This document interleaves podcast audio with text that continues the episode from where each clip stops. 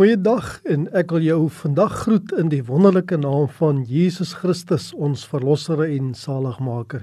Op die radio weet ek natuurlik nie wie luister nie. Ek ken jou nie, ek weet nie wat is jou naam nie, ek weet nie wat is jou karakter nie. Ek weet nie of jy goed of sleg is nie. Jy ken my ook maar net miskien as gevolg van die stem. Maar vandag wil die Here met ons praat oor 'n woord. Dit lê sommer vir my so naby aan die hart.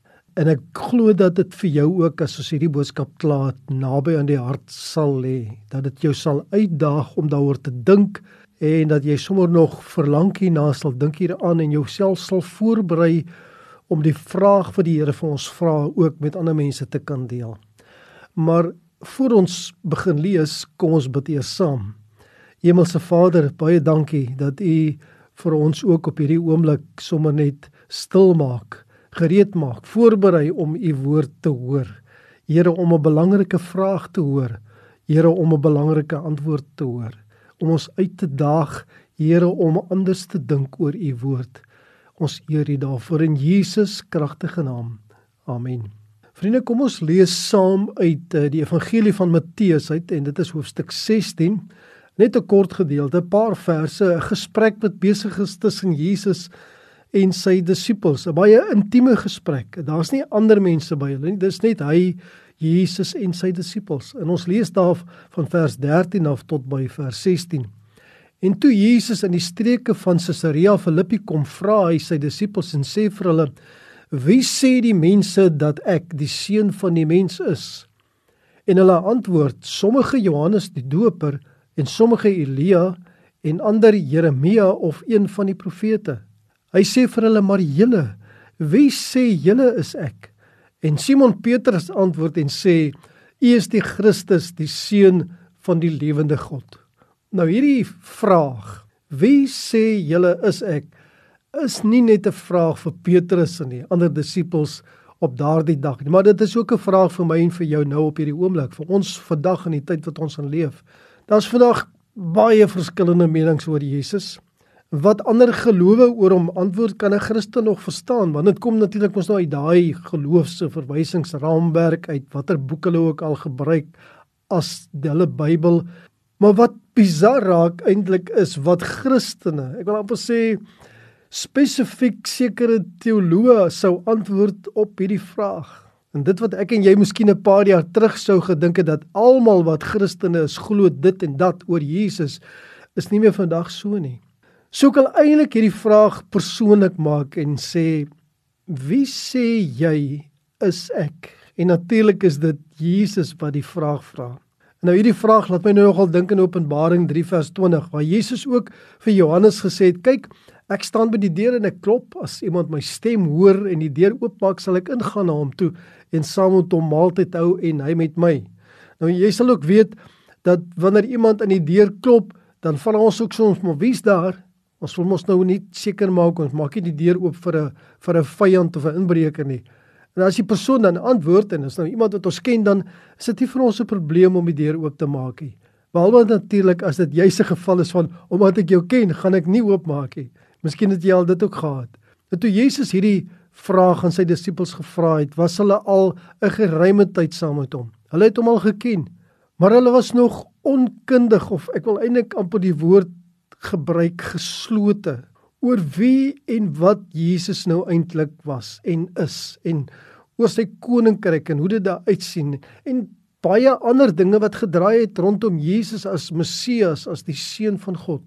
En dit is eintlik eers na Jesus se opstanding dat dinge vir hulle meer duidelik geword het. Jy sal onthou uit baie gedeeltes dat hulle maar eintlik verwag het dat Jesus moet nou op aarde hy moet nou koning word en hy moet regeer en hy moet hulle verlos van die Romeinse juk en dit was nie eintlik wat Jesus op daai oomblik in gedagte gehad het nie. Dit laat my soms wonder as iemand dan 'n Christen is, vir watter Jesus het jy die deur oopgemaak?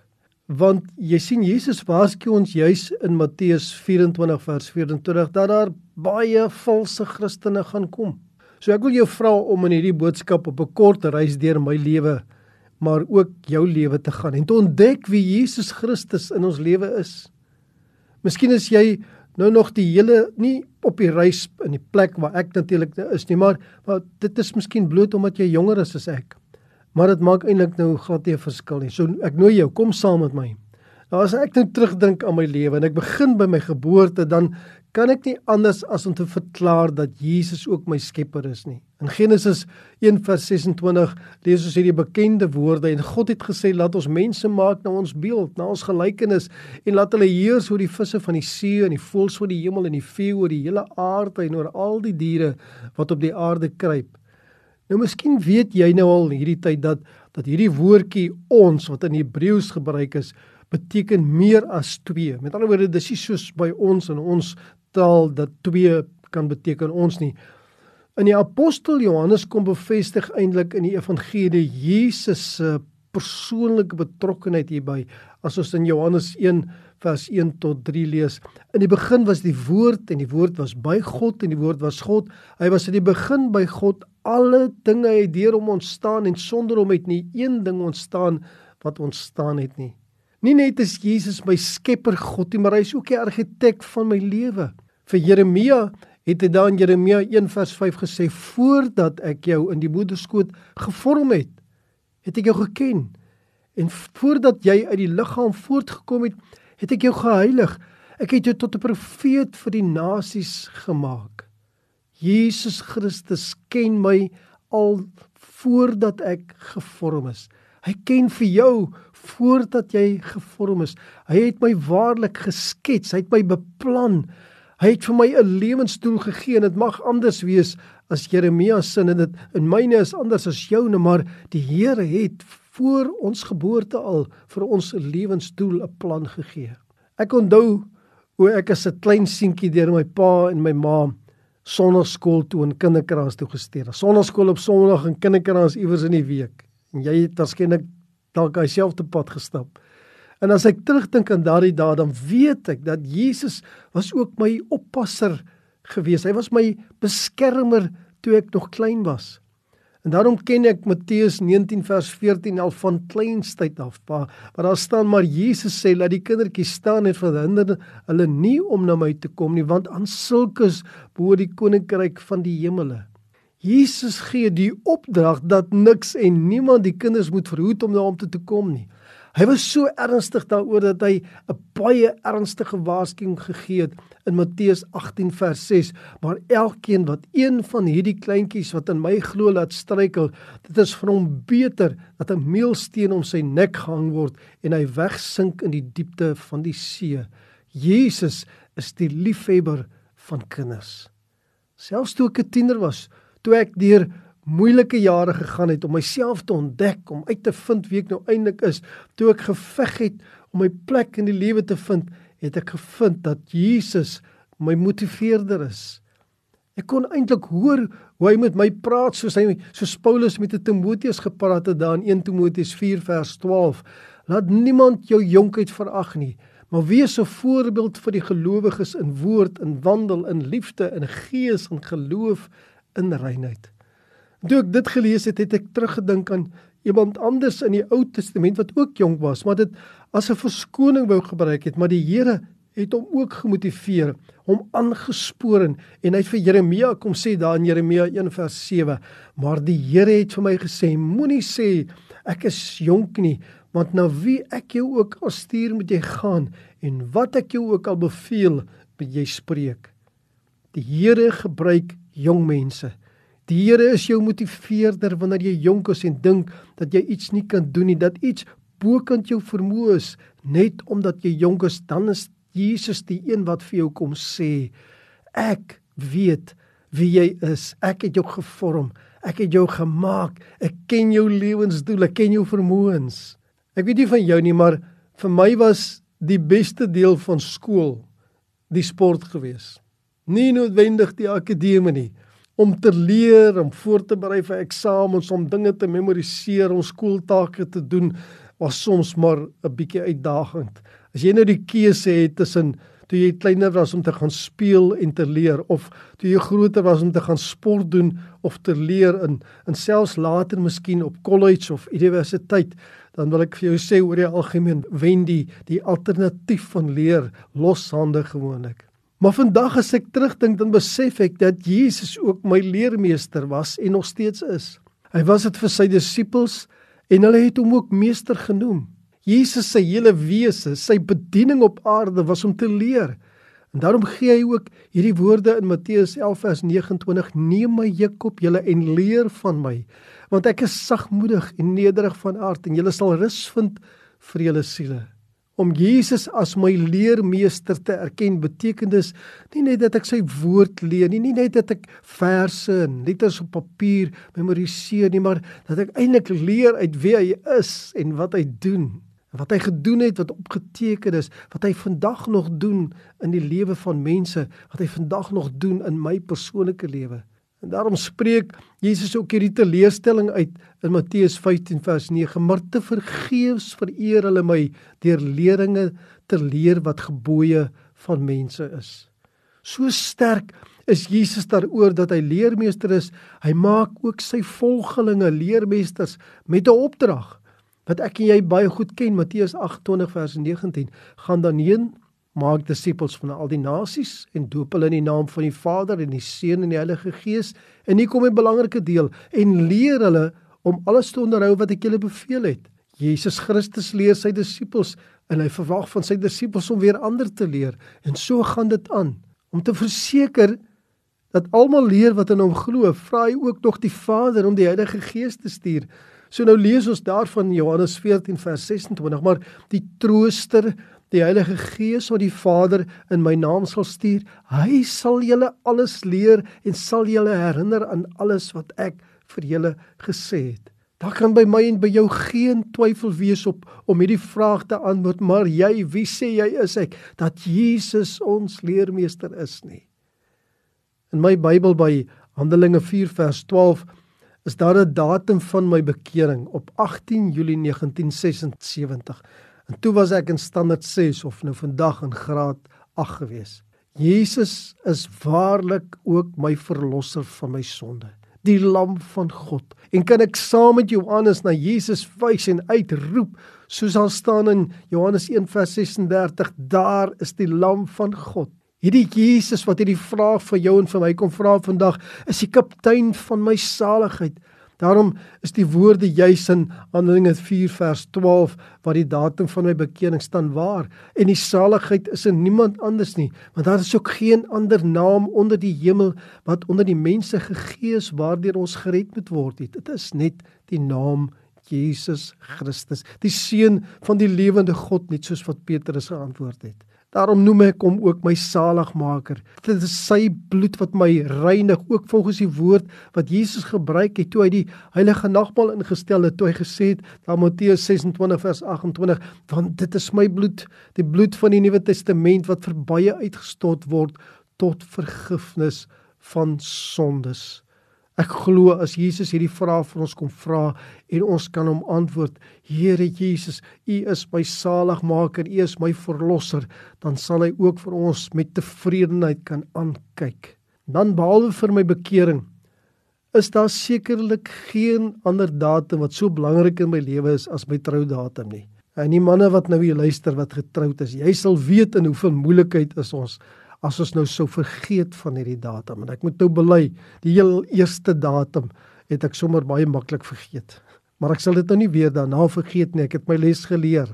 Maar veel meer as my aardse troudatum herinner dit my dat Jesus Christus ook die bruidegom is. Hy is die bruidegom van die kerk en die kerk is sy bruid. En van hierdie bruid is ek en jy deel. Jesus het na homself verwys as die bruidegom daar in Matteus 9 vers 15. En Jesus sê vir hulle: "Kan die bruilofsgaste dan treur solank as die bruidegom by hulle is? Maar daar sal daar kom wanneer die bruidegom van hulle weggeneem word en dan sal hulle vas." Dit is ook gepas dat ons huwelike hier op aarde ons herinner aan Jesus die bruidegom. As ons die woorde byvoorbeeld sou lees in Efesiërs 5 vers 25 tot 27 manne En om een of ander rede word die manne nou hier aangespreek. Manne, julle moet julle eie vroue lief hê soos Christus ook die gemeente liefgehad het en homself daarvoor oorgegee het om dit te heilig nadat hy dit gereinig het met die waterbad deur die woord sodat hy die gemeente vir hom kon stel verheerlik sonder vlek of rimpel of iets dergeliks maar dat dit heilig en sonder gebrek sou wees Daarom wil ek voor die hemelse bruidegom in heiligheid lewe. Daarom streef ek voortdurend daarna om heilig te lewe vir Jesus, die bruidegom, want ek besef ek is deel van die bruid van Christus. So op hierdie vraag, wie sê jy is ek? Kan ek net antwoord: Here Jesus, U is ook die bruidegom. Ek moet bely, daar was 'n tyd in my lewe toe ek baie godsdienstig was, maar geen verhouding met die Here gehad het nie. Dit het eintlik maar net gegaan oor die kerk en my posisie in die kerk en dit wat ek daar doen in my betrokkeheid in die kerk, maar nie oor my verhouding met die Here Jesus nie. Ek het waarlik gedwaal soos 'n skaap, soos wat daar staan in 1 Petrus 2 vers 25. Maar ek dank die Here dat dat hierdie Jesus Christus ook my Here is volgens Hebreërs 13 vers 20 waar daar staan mag die God van die vrede wat die groot herder van die skape naamlik ons Here Jesus Christus deur die bloed van die ewige testament uit die dode teruggebring het julle volmaak in elke goeie werk om sy ontwil te doen deur in julle te werk wat welbehaaglik is vir hom deur Jesus Christus aan wie die heerlikheid toekom tot in alle ewigheid. Amen Dit is hierdie Jesus wat jy's vertel het dat hy die 99 skape sal agterlos om die een te gaan soek wat afgedwaal het. En weet jy 'n mens kan eintlik net hierdie woorde waardeer as jy dalk een van daai skape is vir wie Jesus op 'n stadium moes kom soek het. Hy is my Psalm 23 herder wat my lei na waters van rus, na groen weivelde, hierdie donkerte van 'n doodsval. Hy maar hy's ook die herder wat voor my 'n tafel dek in die aangesig van my vyande wat my beker laat oorloop wat my hoof salf met olie. Dit is wie hy is. Dit is wat ek vir hom kan antwoord as hy my vra maar jy wie sê jy is ek? Dan kan ek sê Here Jesus u is my herder. Vriende daar's nog so baie name wat ek aan hierdie Jesus sou kon gee om hierdie vraag te beantwoord maar jy wie sê jy is ek? Hy's waarlik die koning van die konings. Hy's die een wat weer gaan kom Hy's die groot geneesheer, maar hy's ook my vriend wat nader is as 'n broer. Hy's my hoop op die ewige lewe. Hy's my voorsiener, hy's my leidsman, hy's my Here.